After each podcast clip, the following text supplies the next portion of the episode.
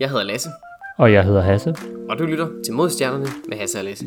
Det her er podcastet, hvor to rumnørder snakker om nyheder inden for rumfart, astronomi og alt derimellem. Så Hasse, hvad skal vi snakke om i dag? Jamen, jeg tænker, vi er jo nok ligger ud med det, som alle ligesom har ventet på her de sidste, jeg vil næsten sige, par måneder nu. Det er jo Artemis 1 er sendt afsted. Yes! yes. Endelig!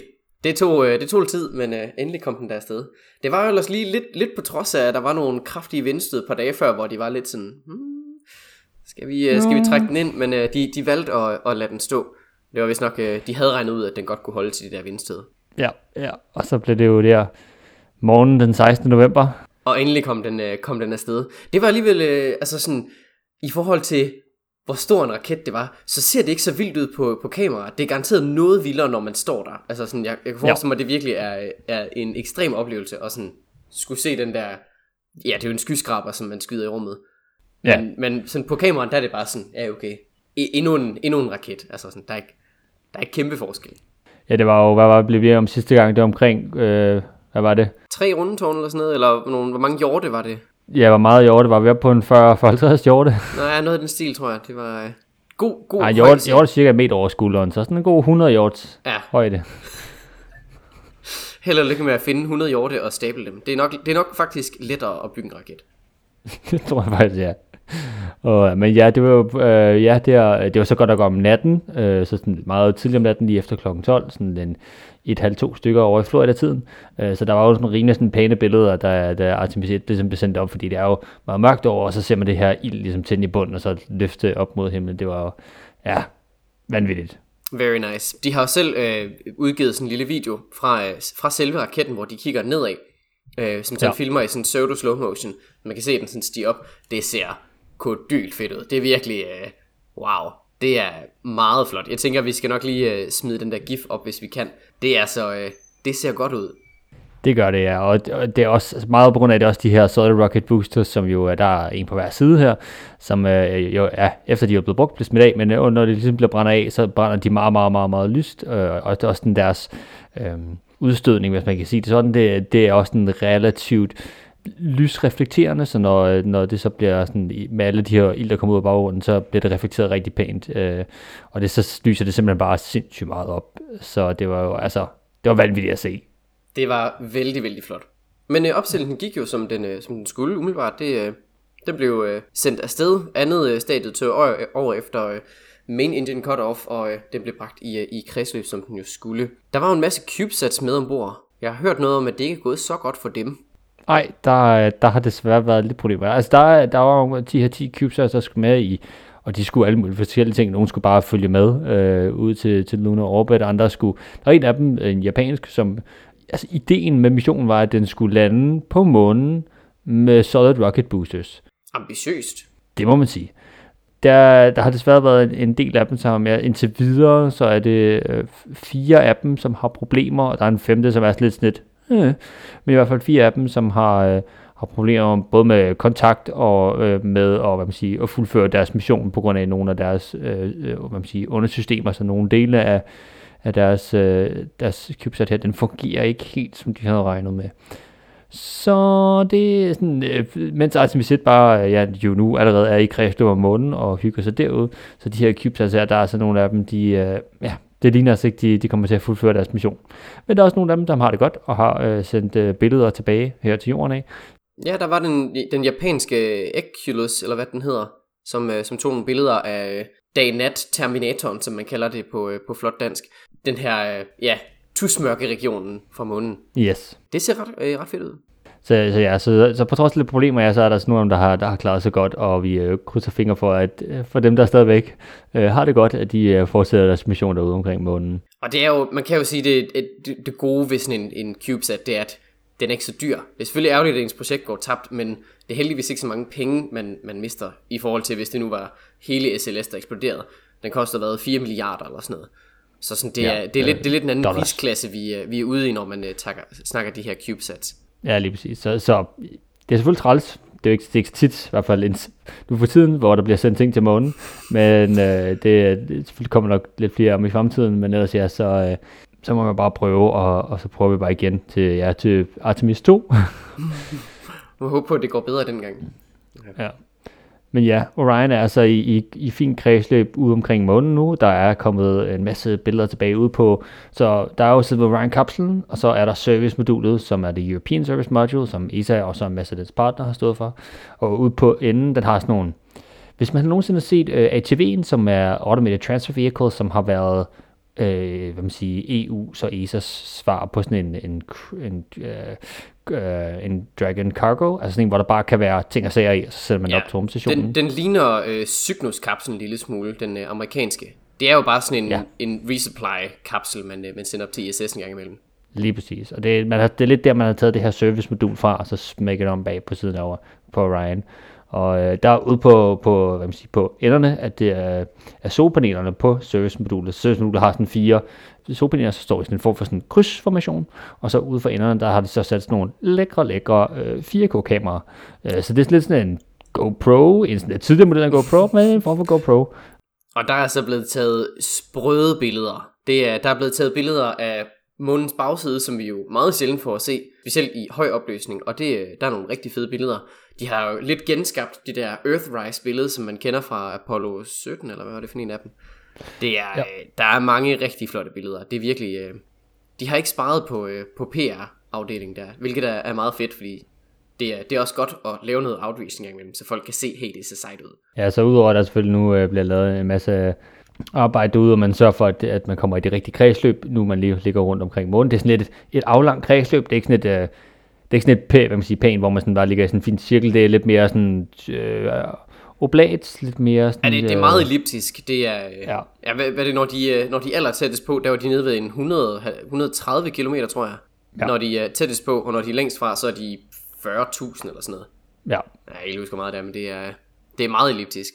Men øh, det er sådan et, et retrograd kredsløb, så det, det er jo modsat dens rotation. Det er lidt unikt, men det skulle være meget stabilt, så de slipper for at bruge masser af brændstof for at vedligeholde det. Lige præcis. Altså, man kan sige, at de der funky kameraer, de har med, det er jo også til dels for at tjekke, om de kan finde ud af at navigere med de her, med de her kameraer ombord. Øh, det er jo lidt sådan en, jo jo, du kan bruge dem som public outreach. Men de skal også bruges til noget. Ja, og der ligger også, øh, der er også flere mindre kameraer, som har et, jeg vil sige, et mindre field of view, så deres, sådan, deres vinkel på, hvor meget eller hvor stort billedet er, det er meget, meget mindre, som bliver brugt til, især når de er lige i kort øh, hvad man siger, flyvetur hen over sådan overfladen, de her ja, små 100-150 km over, over månens overflade, så er der sådan nogle, nogle mindre kameraer, som tager billeder af overfladen, for igen at kunne genkende, fordi så hvis de på, afhængig af, hvor, hvad man siger, de bruger sådan en form for sådan, hvor store ting er på, hvad de ser på overfladen, så kan de sige cirka, hvor højt over overfladen de er. Mm. Øhm, fordi så har de sådan noget, hvad man siger, noget at slå op med. Yeah. Så kan man tage billeder, og så man sige, ah, det er cirka sådan her, det er det her, vi kigger på. Ah, men den er lidt større eller lidt mindre, så kan man så sige, at man er lidt tættere eller længere fra. Ja, ja så sådan en, en slags uh, simpel altimetri, hvis man kan kalde det, det er jo bare sammenligne. Øhm, og ja, og så er jo ellers øh, planerne, den skal blive derude lidt, i, lidt endnu, øh, og så er vi, øh, den kommer tilbage her den 11. november, eller undskyld, 11. december, øh, så om sådan noget, ja, hvad er det, to ugers tid, lidt over to uger. Ja, sådan cirka. Så er vi altså tilbage, og skal, ja, se den komme ned. Øh, ideen er jo, at den ligesom, ligesom med Apollo, så er der jo den her Ryan-kapsel, så servicemodulet klikker sig frem, og så den her, ja, den ligner jo nærmest en, uh, en Apollo-kapsel, så vender den ligesom ja, det gør sin det i bunden, Ja, og så, og så simpelthen bare, øh, hvad man sige, kommer, kommer ned igennem atmosfæren, og så lander med, med nogle store øh, faldskærme, og så dermed kommer ned og lander i havet, og så bliver de så samlet op. Det ser vi i hvert fald frem til, og ellers så, øh, vi tænker, der kommer nok en lille update lige som omkring, ja der, midt december, hvor vi ligesom kan se, okay, hvad, hvordan står det til hjemme på jorden, efter at have været sådan, ja, et par uger ude omkring månen. Ja, må ikke, øh, må ikke der kommer et eller andet. De havde jo også, øh, der er jo, ej at forglemme, så er der jo passagerer med ombord. Ikke mennesker, men der er to bamser med, øh, som de jo, øh, jeg ved ikke, bruger de også dem til tests, eller er det bare for, øh, for, for øh, fis og ballade? Altså sådan, de, de laver jo sådan nogle strålingseksperimenter med, hvor de har ja, dosi, dosimeter på ydersiden og på indersiden af, af kapslen, så de kan måle, hvor meget stråling får man rent faktisk ind. Men jeg ved ikke, bruger de også bamserne, eller er det bare... Øh, det, bamserne har desværre ikke sensorer på, så de, oh. øh, jeg så, der er et rigtig fint billede inden for kapslen af, hvor, øh, hvor Snoopy, øh, som, hvad hedder Snoopy det på dansk? Nuser. Øh, Nusa, det er det, Nusa hedder. Øh, Nusa, som, som dem siger, ja, flyver lidt rundt ind i kapslen. Han har heldigvis fået en lille øh, snor på sig, fordi det, det er rigtig fint, at han er med, men han skal ikke flyve over det hele og ramme ind i en ting, eller ramme ind i en knap eller eller andet, så han, han bliver lige holdt lidt fast. Ja, man kan håbe på, at de havde de- deaktiveret knapperne. Det, havde, det ville også være virkelig åndssvagt. Tryk, ej, ups, jeg kom til at trykke på den store selvdestruktionsknap. Fordi sådan en, sådan en har den jo. Det, det skal den jo have. Selvfølgelig. Ja. Ja, ja. Og ja, så er der jo en, en mannequin med, som du snakker med, som har et dosimeter på sig, som simpelthen måler mængden af stråling, den får over turen, for ligesom at se, hvad, hvad man siger, hvor, hvor slemt så er det til i forhold til med sådan en, en flyvetur til og fra månen. Man har selvfølgelig nogle beskyttende lag indimellem, men det er jo så derfor, man skal prøve at finde ud af, hvor meget beskytter de så. Man har selvfølgelig en god idé, men lad os godt lige at tjekke. ja. Det er, det er sådan klassisk, øh, om, om vi har nok, øh, hvad hedder det? det, man kalder det ikke rigtig a priori, fordi vi har jo lavet målingerne på et tidspunkt. Det er mere, hvor, hvor meget erfaring har vi med, med det indtil videre. Vi har ikke lavet særlig mange ture ud til månen, hvor der har været mennesker med. Og specielt når man så skal igennem de her Van Allen-bælter, som de hedder. De her bælter, der er rundt om, øh, om jorden. Der er to sådan store, hvor det, man krydser igennem for at komme ud til månen. Og i de her, ja, det bælter, det er lidt et øh, forkert ord. Det er mere sådan en, en donut rundt om jorden. Der, der ligger der ret meget øh, stråling, som man skal igennem. Og det er altså øh, en kende ubehageligt, hvis man er der i længere tid. Heldigvis så ja. er man der jo i kort tid, så det er ikke, det er ikke re- reelt noget issue. Med mindre at øh, der lige kommer et soludbrud eller et eller andet, som lige falder sammen med det. Men øh, som udgangspunkt burde det ikke være noget issue. Så. Lige præcis. Og de får det faktisk også testet nu her. Der, der har lige været et soludbrud, som øh, kommer mod jorden. Så øh, de får lidt ekstra stråling. Så det kan være, at de lige kan bruge det til et eller andet. Måle, hvordan det håndterer sådan en situation. Og til sidst har vi jo også, øh, altså ja, den tredje passager med vel F for får, øh, jeg tror jeg den eneste, den danske navn på det, som er igen en lille bamse, som jo øh, har været ESA's sådan lille passager. Øh, NASA de har haft Snoopy, så har vi så ja, F for får, som øh, har været med og, og en lille flyvetur tilbage til månen øh, og tilbage igen. Så det er ja, det er ret cool at se, men øh, indtil videre så øh, går alting godt, og vi øh, ser frem til, at de kommer tilbage her ja, midt december. Det glæder vi os til. Det bliver spændende at se, hvad, ja, hvad de finder ud af. Om det, om det overhovedet ja. kan, kan lade sig gøre. Ej, jeg tænker, det, øh, det kunne det for, øh, for nogle år siden, så må ikke det kan igen nu her. Nu vi alligevel er inde om uh, Artemis, så uh, tænker jeg, vi skal også lige, uh, eller hvad man siger, nu er vi ude ved månen, er måske også en god måde, så er der jo også lige en lille opdatering på Capstone. Oh yes. Sker der noget nyt med, med Capstone? Uh, ja, den er kommet uh, fint ud i kredsløb om, uh, om månen, og uh, har gået ind i sit, uh, hvad man siger, det kredsløb, som uh, Gateway skal ligge i. Oh yes, det her, øh, åh, hvad film var det, hed? Det havde et eller andet helt vildt langt, åndssvagt navn. Det var sådan noget, øh, øh, cislunar, nej, hvad hedder det?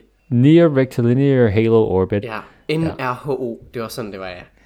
ja. Du godeste som jo er det her lidt, uh, lidt spøjse kredsløb, men der kommer godt derud, uh, og ligger nu i kredsløb ude omkring. Uh, der var jo lidt problemer undervejs med, at man mistede kontakten et par gange, uh, men nu er ser det ud til, at uh, det kører fint, og vi uh, er gået i kredsløb omkring månen, og ja, begynder nu at samle en masse data ind til, til Gateway, som er det her ja, busstop sted, som vi, vi skal have en, en lille uh, rumstation ude hos, og dermed så kan vi få lavet sådan et, ja, et stoppested mellem månen og jorden, øh, og have kan man sige, astronauter i, øh, i kort og længere tid øh, som et lille øh, hotel derude til at, at opbevare sig selv. Det, blev, øh, det må blive, øh, blive vildt, når det engang bliver, bliver en realitet. Men fra månen og øh, mulig månemission, så kan vi måske springe til øh, nogle af de astronauter, som måske en dag skal derud. Fordi ESA har nemlig præsenteret nogle nye astronauter. Den nye øh, Class of 2022. Oh yeah! Yes, så en, en del af ESA's, øh, hvad det hedder, CM-event, det er sådan deres, øh, ja, hvad kalder man det? Sådan en slags øh, årsmøde, det er det ikke rigtigt. Men en, en, præ, en, rep- en præsentation af, af deres budget og, og så videre. Nej, men det er der, altså alle landene kommer ind og, og, hvad man siger, og, og repræsenterer sig. Godt, Danmark var så ikke lige med, på grund af, at vi lige pt. ikke har nogen regering, og vi ikke har lige nogen minister, så vi kan sende ind. Men øh, ellers så, øh, så kommer alle ministerne fra, fra alle hvad man siger, medlemslandene og associate-landene, de kommer så ind, og så øh, præsenterer de, typisk så har de lige i hvert fald et, et par minutter, hvor de præsenterer, hvor de er, og hvad de laver i forhold til ESA, og så også hvad deres, øh, deres mål, eller fremtidige mål er inden for de næste par år. Øh, og der øh, i forbindelse med det, så er der så blevet præsenteret ja, nye astronauter, men øh, øh det, selve det her council-møde i sig selv, har altså været pænt stort, fordi der fik vi jo lige, der blev opdateret budget, må man sige. Ja, det gjorde der. De er jo, øh, det sted med, hvor meget var det? 17% siden sidste gang. Det var alligevel en, en, en god chant penge. Vi er oppe i øh, 126 milliarder kroner er øh, Ja. budgettet. Nogle penge, og øh, der bliver altså smidt en del i, øh, i forskellige... Jeg så lige en, øh, en sådan en, øh, hvad hedder sådan en tærtediagram, tror jeg man kalder det, øh, hvor man kunne se, hvad de enkelte dele var til. Øh, og der, der var en del af det var sat af til øh, space, space Safety Awareness, som, øh, som jeg jo selv er en, øh, en, en ret glad for. Det er jo, det er jo det her med øh, holde styr på rumskrot, planetarisk forsvar, alle de her ting, som er inde under SSA. Det er, det er rart at se, at der bliver smidt nogle penge i det nu her. Det kan være den uh, mission, jeg har været med til at, til at arbejde lidt på, Neomir, der, der rent faktisk bliver sat nogle, uh, nogle penge i det snart. Ja, der er i hvert fald mange projekter, som uh, så frem til at, at høre, hvordan det kommer til at kigge den her kapsel med, for ligesom at finde ud af, hvor mange, hvor mange penge får vi. Ja, hvor mange penge kommer der til, til hvilke, hvilke grene af, af agenturet er. Nå, men, men øh, pointen her, det var vel egentlig bare, at, at der er kommet en, en, helt, øh, en helt ny øh, klasse af de her astronauter, 17 øh, styks. Øh, de er jo så ikke alle sammen aktive. Der er nogle af dem, som er, som er ja. sådan reserve. Men, øh, men fem af dem er det, man kalder career-astronauter. Og det er dem, der sådan er, de er dem, der skal være astronauter nu.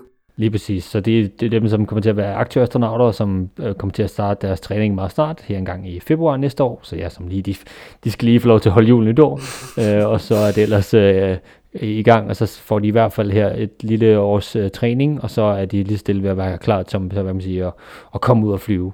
Så yes. ja, det, det ser spændende. Og så er der så de resterende her, ja, 11 plus 1 er måske en måde at dele dem op på. Ja, fordi den, den sidste der, det er jo en, øh, en paraastronaut, som er en del af deres, ja, det er sådan en feasibility study, kalder de det. De skal ligesom finde ud af, om det kan lade sig gøre at have paraastronauter på rumstationen. Og der har de en, øh, hvad hedder han, John McFall hedder han, øh, en, øh, en britte, som, øh, som simpelthen er blevet paraastronaut. Og hvis man øh, tænker, hvordan er han lige en paraastronaut, han øh, mangler den øh, nederste del af sit ene ben, så der har han lige fået det, der har han fået det amputeret, og har nu sådan et, ja, et, et kunstigt ben. Men øh, altså, som, når vi, vi kommer lige til at snakke om alle de forskellige navne, og så, øh, hvad man siger, hvor de er fra og sådan noget. Bare lige sådan, lige ham med John McFall. Øh, Nå ja, han var lige også i Paralympiade, altså han har, han har været med i Paralympisk Lege tilbage i 2008 i Beijing vandt lige øh, bronze i sådan et løb. øh, fordi selvfølgelig sådan er de der astronauter der. Det var også nogle... Ja, ja. Præcis. Også, øh, han har lige øh, øh to bachelorgrader og en mastergrad. Altså sådan, det er ikke fordi, de er underuddannede. Nej, det kan bare sige det sådan. Han arbejder som øh, øh, Trauma and Orthopedic Specialist Registrar, hvor han er øh, en slags kirurg. Okay, ja, altså gen- generelt, altså nu kommer vi til at nævne de her navne, de er nogle vilde mennesker. Altså jeg, jeg søgte jo ind, for jeg tænker, ah, det kunne være meget sjovt lige at se processen. jeg kan godt forstå, at jeg fik øh, tæsk af dem her, hvis man kan sige det sådan, i den her udvalgelsesproces her, fordi altså, når man bare hører om dem selv, altså selv reserverne, hvor man tænker, okay, de, de, kommer, de kommer lidt til senere, og ideen er, at de sådan, dem holder man sådan lidt kontakt med, og vi holder lidt sådan styr på, men de er ikke nogen, som simpelthen aktivt skal ud og flyve lige med det samme. Men på et tidspunkt, så er der nok en god mulighed for, at de kan komme ind og blive indlemmet som en et mere hvad man siger, karriere- og aktiv astronaut. Ja, de, de er så bare vilde alle sammen. Altså, det giver jo ikke nogen mening. Ja, der er ikke, der er ikke nogen af dem, der, der ikke er kvalificeret. Det kan man vist ikke sige til dem. Det er, de er alle sammen øh, rimelig, øh, værdige. Skal vi uh, bare take it from the top? Altså, der er jo en liste her på 17 styks. Uh, så tænker jeg, så kan vi lige pingpong lidt. vi, kan, vi, vi, kan måske, uh, vi kan måske holde os til dem, der så reelt er, er astronauter. Så kan vi nævne, nævne de resterende, når de, uh, når de bliver hævet ind fra reserven kan jo starte fra toppen af. Der er, ja, det her det bliver også vores yndlingssegment, som er jo, at vi prøver at ødelægge folks navn så lidt som muligt, men det går alligevel ret, ret dårligt. Øh, men øh, yes. Yes, øh, Sophie Adeno, øh, hun er fra Frankrig af, og er den første sådan, karriereastronaut her, som er sådan aktiv. Og så der er sådan en fin link, så kan man lige, vi lægger det link ned i noterne, så kan selv lige også hoppe ind og klikke og læse lidt omkring dem.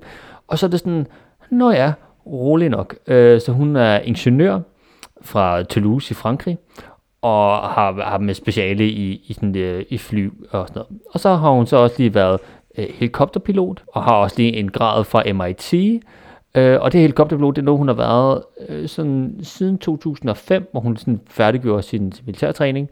Og så blev hun helikopterpilot, og så har hun også fløjet sådan nogle ture, i hvert fald hvad jeg lige kan se her i, i Mellemøsten. Several rescue flights in desert and hostile environments. Så hun har altså været der lige har fløjet ind i en, øh, i en aktiv krigszone, lige landet folk ind bag, og så har hun fløjet ud. Og så ellers også, altså, øh, ja, men det giver ikke mening. Testpilot for eksperimentelle helikoptere, mountains, altså hun kan godt lide at klatre og stå på ski og mountainbike.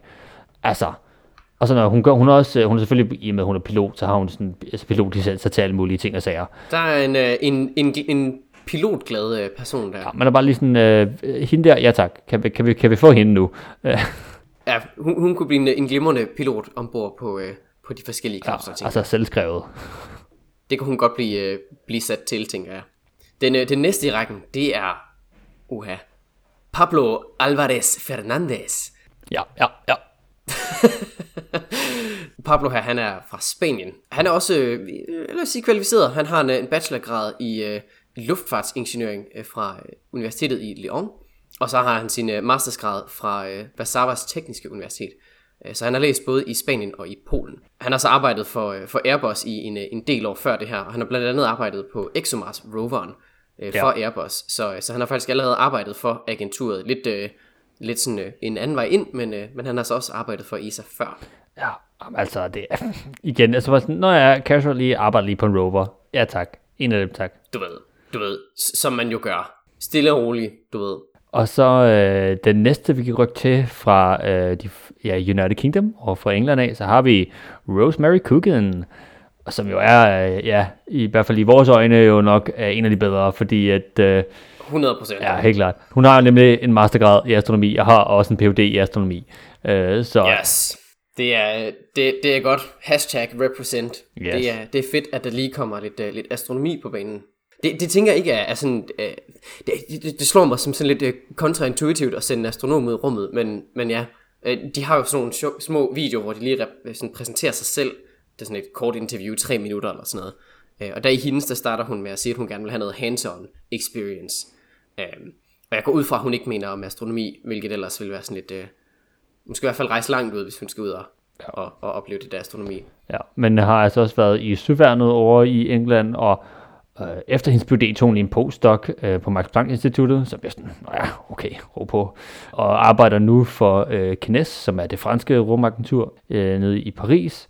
Øh, så, så det er bare sådan, når jeg er sådan casually bare lige sådan øh, mega øh, super klog øh, og super dygtig har været i søværnet. Altså så var bare sådan lidt, ja, ja, ja, det vil vi godt have noget af. Ganske, ganske glimrende. Næste i rækken, det er en belgier, Raphaël Liégeois. Håber jeg, det er, det er korrekt udtalt.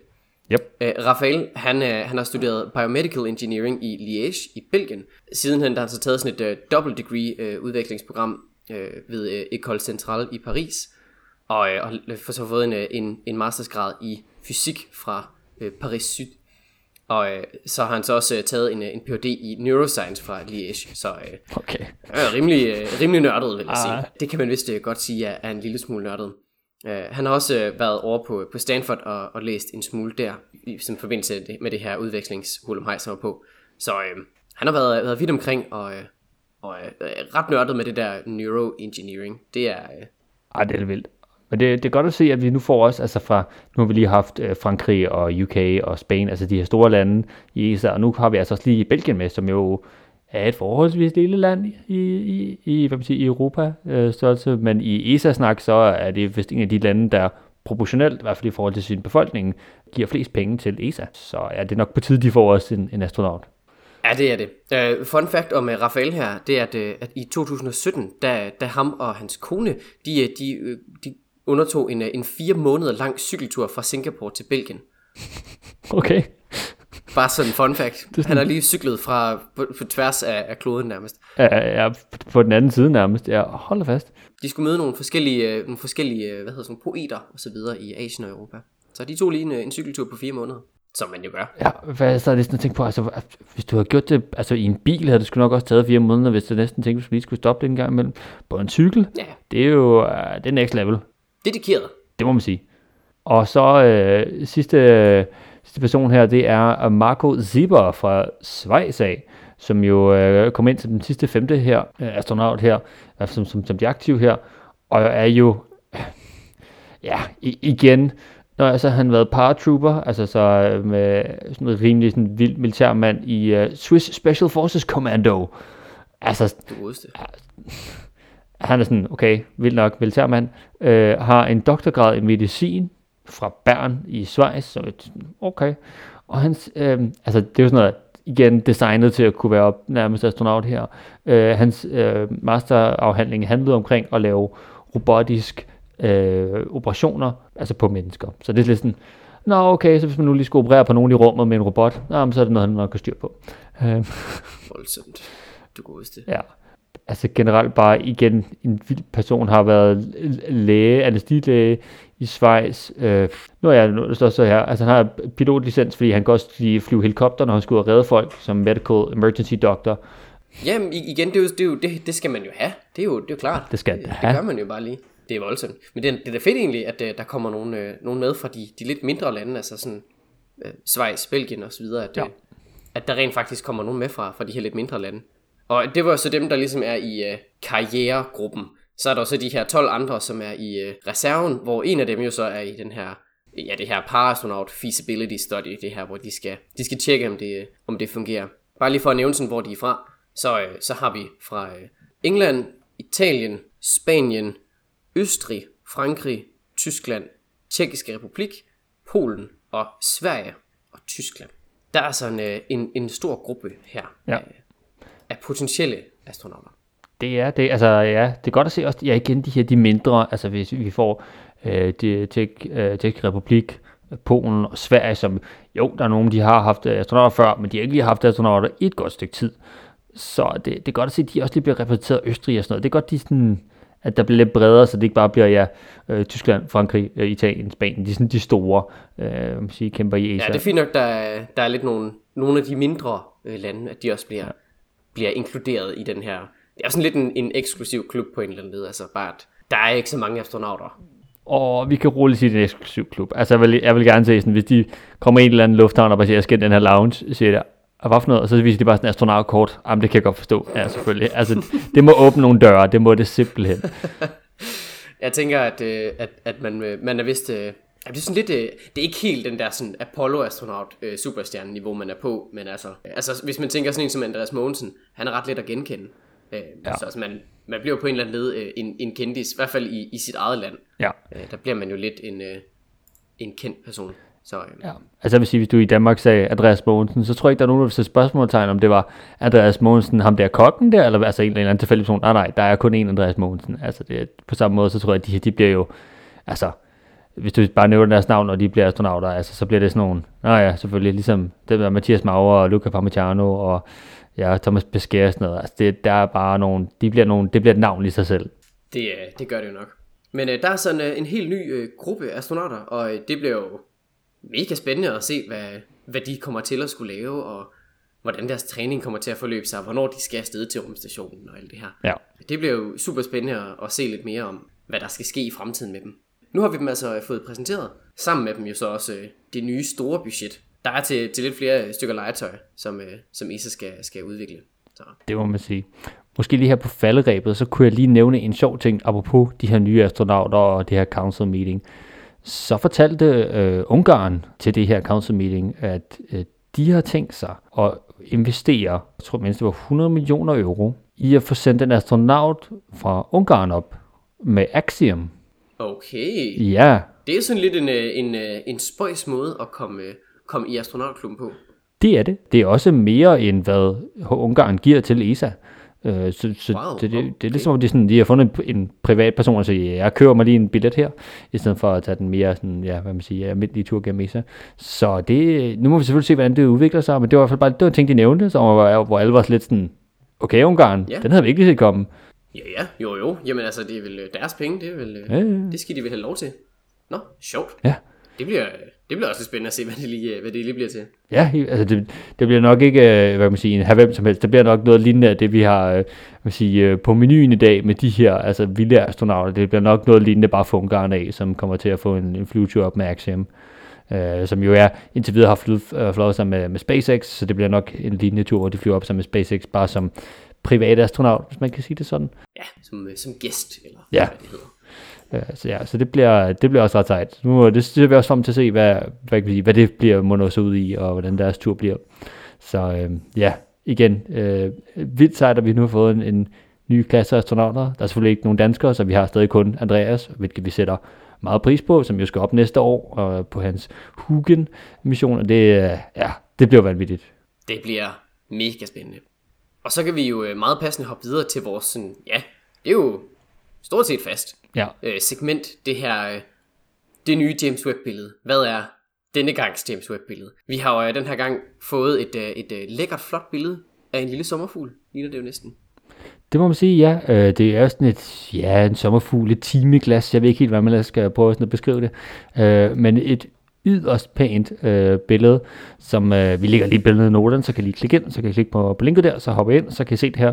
Og det ligner jo, ja det ligner, jeg ved ikke, jeg skal bevidst beskrive som et, et timeglas i det her. Ja, måden det lige sådan står op på, der ligner det er lidt et, øh, et timeglas. Og det hedder L1527 helt vildt fedt navn. Mm, jeg ved ikke lige helt, hvorfor de øh, ikke er kommet på noget bedre, men øh, ja. Det er altså et billede af en, øh, en protostjerne, så en stjerne, der er ved at blive dannet af støv og gas. Ja. Og øh, man kan faktisk se den her, hvad, sige, den her disk, en øh, protostellar disk, som man kalder det, øh, som bliver til planeter på et tidspunkt. Stjernen er endnu ikke øh, gået i gang med rent faktisk at fusionere, så den, øh, den lyser, fordi den er varm.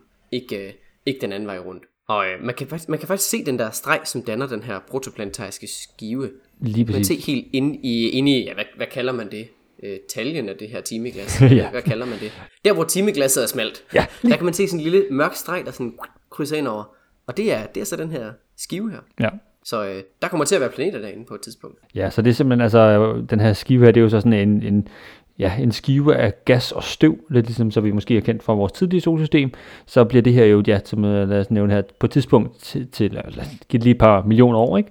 Så, så begynder det at være nogle planeter her, og det er også det, der giver den her lidt mere, øh, jeg vil sige, timeglasseform, det er jo fordi den her øh, disk skal ligge som lidt sådan en, en skive, som blokerer ud til siderne, og så i top og bund, så kommer så det her, det her lys ud, som varmer det omkringliggende støv og gas op om, og så ser man det her øh, ja, timeglas lyse op omkring den her ja, kommende stjerne. Det er jo, igen, det er jo bare, det er bare en klump gas, der er varm lige for tiden, som jo ikke nu, altså den, det er ikke en stjerne endnu, det er en protostjerne, men ja, med et par millioner år øh, på banen her, så, øh, så skal den nok komme, og så bliver det simpelthen til en rigtig stjerne, som kommer til at lyse op. Ja, som var det Pinocchio.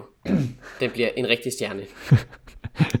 den, ja. er jo, øh, den er jo kun øh, i omegnen af 100.000 år, hvilket jo er, øh, altså, ja, ikke engang født. Ej. Så øh, den, er, den er vældig, vældig ung.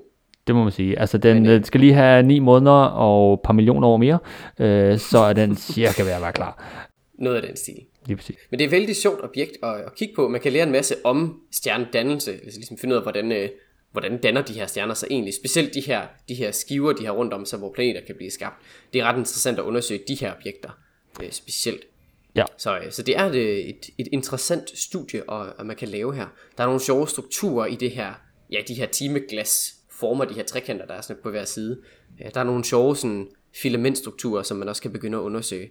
Ja, så øh, nu, øh, ja, nu er det bare at, at sidde og vente. Men ellers er vi jo altså, øh, altså vi, jeg vil sige, vi er ret heldige i den måde, den, den er vinklet på. Den er ikke sådan helt perfekt, hvad kan man sige, øh, hvad kan man sige, spejlvendt op mod os. Øh, der, er, der er en lille vinkel på, men i det med, at vi ser nærmest direkte ind på disken, altså ind fra siden af, og ikke måske op fra en top af eller sådan noget, så er det netop der, hvor vi vil nok måske på et tidspunkt komme til at se, ja, igen, et par millioner år, men øh, hvordan de her planeter bliver dannet, og så at det er jo netop det, som man vil prøve at finde ud af, fordi man har jo idéer om, hvordan nogle planeter bliver dannet. Vi har vi jo selv i vores eget solsystem, så har vi jo vil sige, de jordlige planeter, altså hvor der er lidt mere masse i, øh, i hvert fald sådan en tæt, øh, højere tæthed i, ligger hen omkring øh, tæt inde på vores stjerne, og så ligger de store gasplaneter, de ligger længere ude.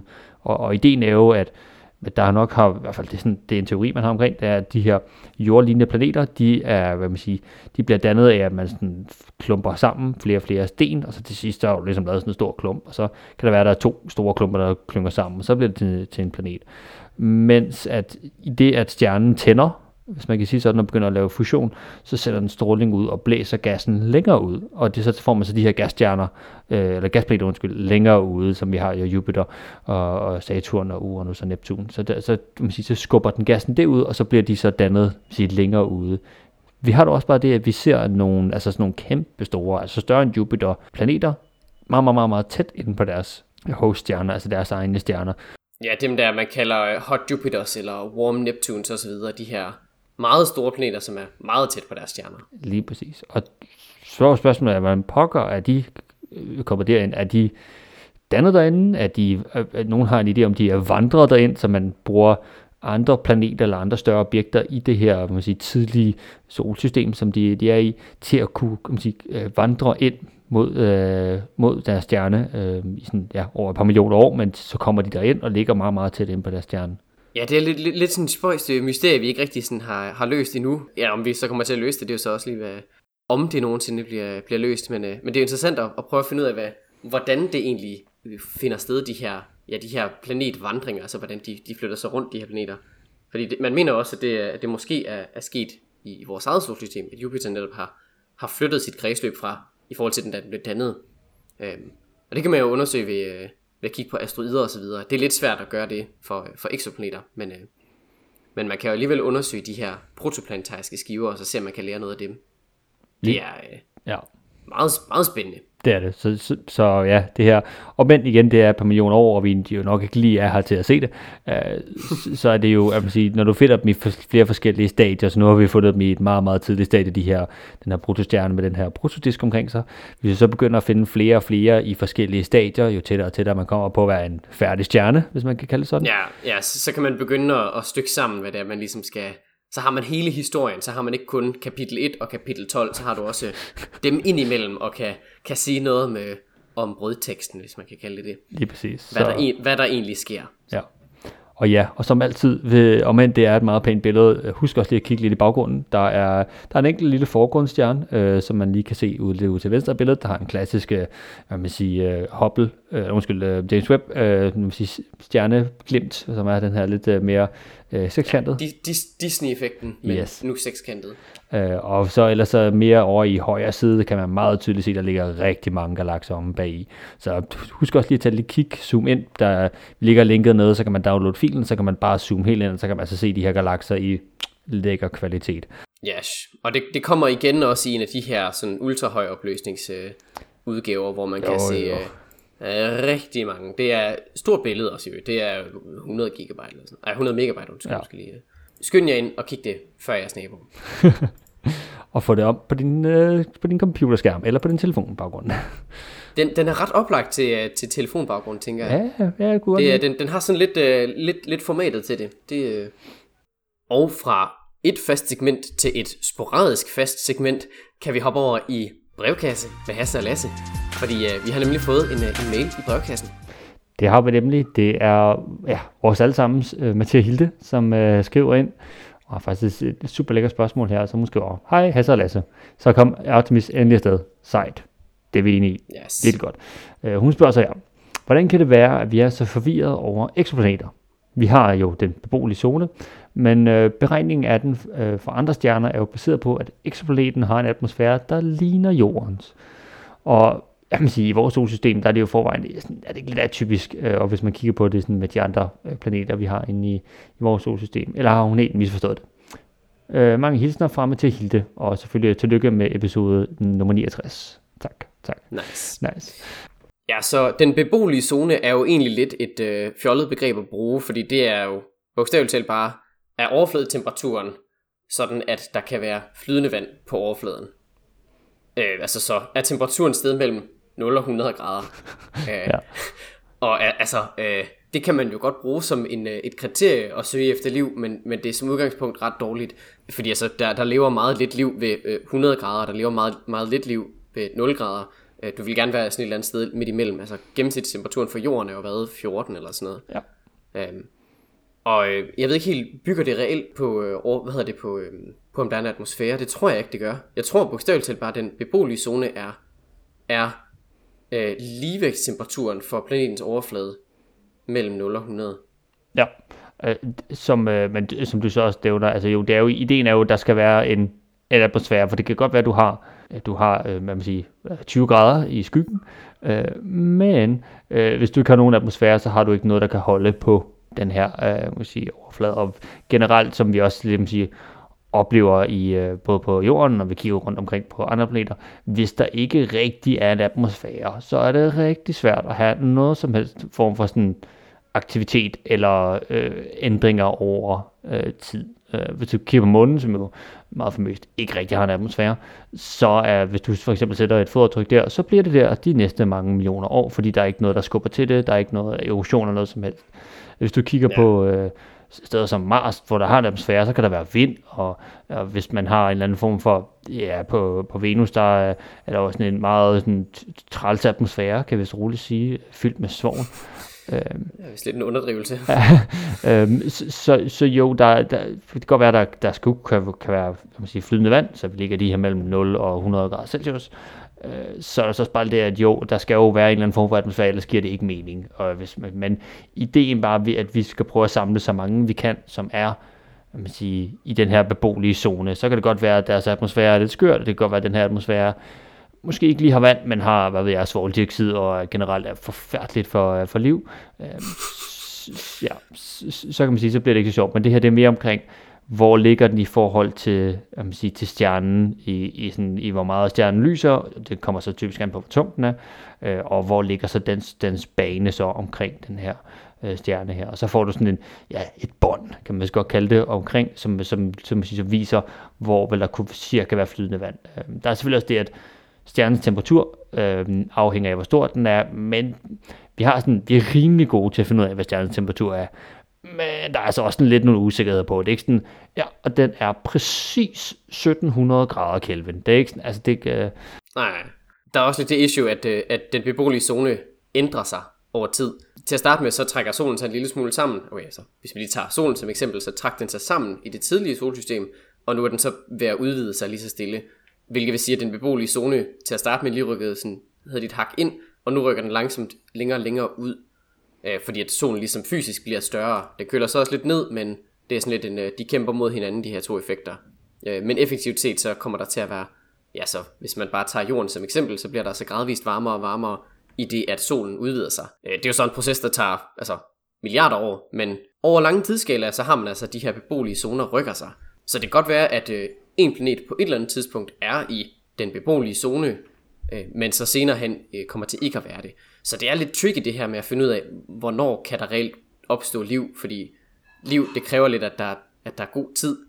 Det er ikke bare noget, som sådan lige sådan opstår på et øjeblik, og så har du lige pludselig øh, intelligent liv. Altså her på jorden, der tog det jo været øh, ja, i omegnen af 2,5-3 milliarder år eller sådan noget. Så altså, øh, det skal gerne være godt stabilt. Det skal helst ikke svinge for meget. Nej, altså det, hvad man siger, livet som, altså som, altså det der mikroskopiske liv, som vi er altså sådan encellet, altså helt ned, hvor man tænker, er det overhovedet liv? Øh, det opstår på omkring, hvad vi kan se på jorden i hvert fald, omkring sådan noget 2-3, måske 350 millioner år. Så det er sådan en relativt kort tid. Men at gå fra det, altså det her encellet, til at have øh, hvad man siger, intelligent liv, som vi vil måske, altså, jo, det kunne være cool, hvis vi så en, øh, øh hvad man siger, en lille bakterie på, på en anden planet, men jeg måske håber for lidt mere. Øh, så, så tager det altså øh, milliarder af år. Og det, jeg tror også, det er et af argumenterne for, hvorfor man for eksempel på Mars ikke umiddelbart forventer noget sådan mm, kompleks liv. Alene af den grund, at Mars havde jo en atmosfære og et hav og sådan noget på et tidspunkt, men det forsvandt ret hurtigt. Så man mener ikke, at, at Mars har været habitabel længe nok til, at der er opstået liv, øh, eller i hvert fald kompliceret liv. Det kan godt være, at man måske på et tidspunkt finder bakterier eller meget, meget simple livsformer, men mere end det skal vi nok ikke forvente. Og, øh, og det bringer så lidt tilbage til den der habitable zone, bare sådan for, for at opsummere lidt det er, det, det er et dårligt mål for, om, om planet rent faktisk er beboelig. Øh, det hedder jo godt nok den beboelige zone, men det er så som udgangspunkt bare et, et mål for, at temperaturen mellem 0 og 100 grader. Øh, så det er sådan lidt, øh, ja, det er ikke det bedste navn. Lad os bare se det på den måde. Og det er, sådan, ja, det er jo lidt sådan, igen det, den originale, eller den rigtige sådan, beskrivelse af det er også givet, at der er et vis atmosfæretryk. Så det er, vi antager lige, at der er en atmosfære, den er lækker, og den kan holde til, øh, til at have vand på. Øh, så det, det er sådan en... Ja. Jeg, jeg, jeg kan personligt bedre lide at bruge guldlokzonen der, fordi det, det er sådan en, det er ikke for varmt, det er ikke for koldt. Det, det er sådan lige tilpas. Ja. Hvor den beboelige zone så antyder med lidt, at uh, der er små grønne mænd. Det er der jo ikke rigtigt. Men det er vel dybest set bare en måde at ja, så lidt filtrere exoplaneter på. Ja. Holde lidt styr på dem. Bare sådan, hey, er den her øh, super langt fra sin stjerne, og aldrig nogensinde kommer til at være, være beboelig? Eller er der en her, som måske, hvis der er vand, det kan godt være, at vi ikke ved, om der er vand endnu, men hvis der er, så kan det være, at det er, at det er flydende. Så. Ja. Og det, det er jo dybest set også øh, enormt besværligt at overhovedet skulle, skulle gisne om, fordi vi har kun et eksempel, hvor der, hvor der er liv, hvor vi ved, hvordan det opstår. Det er kulstofbaseret. Det kan jo være, at det er baseret på øh, silicium eller et eller andet, eller lige pludselig så har du organismer, som lever af svovl eller et eller andet. Altså sådan, vi ved jo ingenting lige på det her punkt, så, ja. så vi må jo gætte, og så må vi jo sige, vi vil gerne have, at det skal være ligesom her på jorden, må ikke, at øh, der er nogle andre, som vil have det samme. Og så kigger vi efter ting, der ligner jorden. Det er, det er det princip, vi arbejder med. Så jo, altså der, der er jo nogle beregninger her, som man går ud fra, som man, som man siger, baseret på, hvor stor stjernen er, så giver det ligesom en idé om, hvor kunne den her beboelige zone, eller ja, Goldilocks-zonen, øhm, altså så simpelthen ligge. Og der antager man lidt, at der lige skal være en lækker atmosfære, for at der kan være noget, hvad man siger, flydende vand på. Øhm, så du har ikke sådan, du har fat i den rigtige ende her, øh, den skal bare lige have et, et lille skub her, men ja, det er en, det er en, en sjov konstellation, fordi der er, jo øh, meget diskussion, især over tiderne af, hvad for nogle stjerner vil være gode, fordi man vil ideen kunne være, at man måske havde nogle øh, små stjerner, som de er typisk lidt mere stabile. Øh, problemet er, at de så nogle gange har nogle, nogle vilde flares, og så når de ligger, øh, hvad man siger, når planerne så ligger så tæt på, som de gør, fordi de skal hvad man siger, ligge i den her beboelige zone, som er ligger meget tættere på en lille stjerne, end gør på en stor stjerne. Så når den har en flare, så er det typisk noget, der bare spreder sig meget hurtigt ud, og så kan det være, at man kan ødelægge livet på den planet sådan der, øh, fordi de simpelthen har sådan nogle lidt for vilde flere. Så den, man kigger typisk på mindre stjerner efter de her sådan beboelige eksoplaneter, øh, men det, de kan nogle gange også være lidt nogle øh, træls nogen at arbejde med. Så. Ja, de er, lidt, øh, de er nogle gange lidt nogle, øh, nogle brok, brokrøve, hvis man må sige ja, det sådan. Det, det kan man godt. ja, de er lidt, øh, de er lidt hissige af til. De får nogle vredesudbrud, kan man vist kalde det. Ja. Så øh, det kan være, at det bedste, det er at kigge efter sollignende stjerner og jordlignende planeter. Det, ja. er, det er lidt den, øh, den strategi, vi bruger. Men tusind tak for dit uh, spørgsmål til hele det. Det er altid dejligt, når du lige skriver ind. Og hvis der er andre, der har lyst til at sende en mail ind om hvad som helst, igen, her var, har vi lige snakket lidt om Artemis, men nu kommer vi altså også lige ind forbi uh, eksoplaneter og andet sjovt, så uh, skal I være noget så velkommen til at sende mail ind. Nå, med det så tror jeg ikke, vi har så meget mere til jer den her gang. Så jeg vil bare sige tak, fordi I lyttede med. Hvis I har ris, ros, ting vi skal snakke om, gode spørgsmål, øh, sjove historier eller et eller andet, så øh, send dem til os i en mail på modstjernerne, gmail.com. Selvfølgelig også øh, slide ind til DM's inde på Instagram, hvor du selvfølgelig også skal følge os. Og så husk at følge podcastet på din yndlingspodcast tjeneste. Vi snakkes ved næste gang.